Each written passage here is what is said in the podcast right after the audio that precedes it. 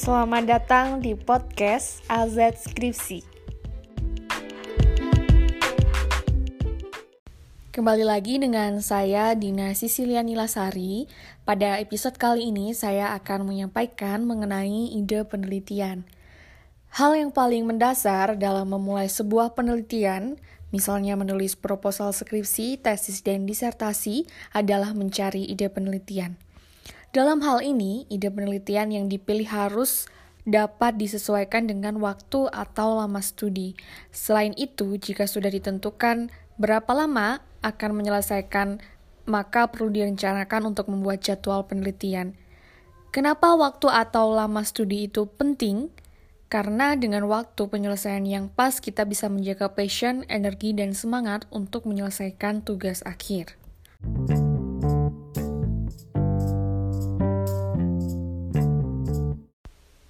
Dalam memilih ide penelitian, saya memiliki preferensi dan strategi.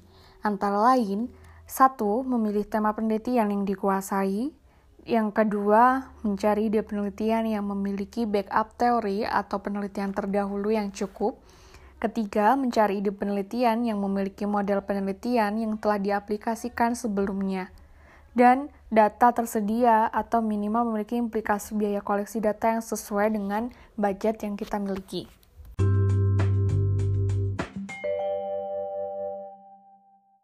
Berikutnya, saya akan menyampaikan beberapa langkah konkret untuk mendapatkan ide tema yang memenuhi kriteria.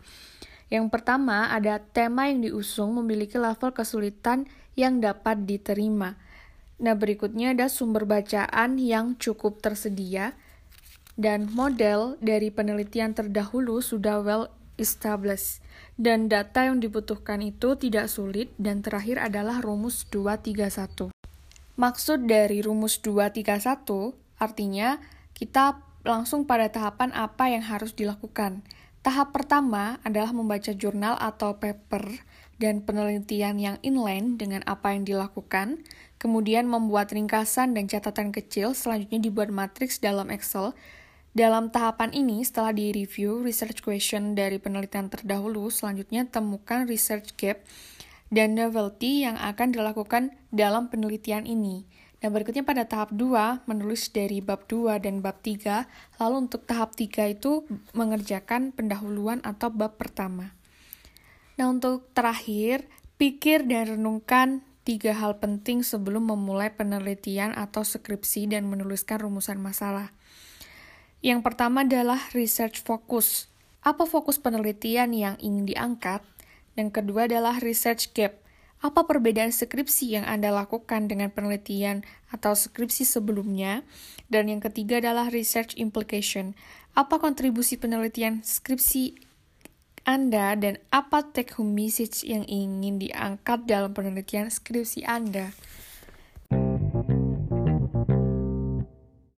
Nah, itu tadi yang dapat saya sampaikan di episode ketiga kali ini.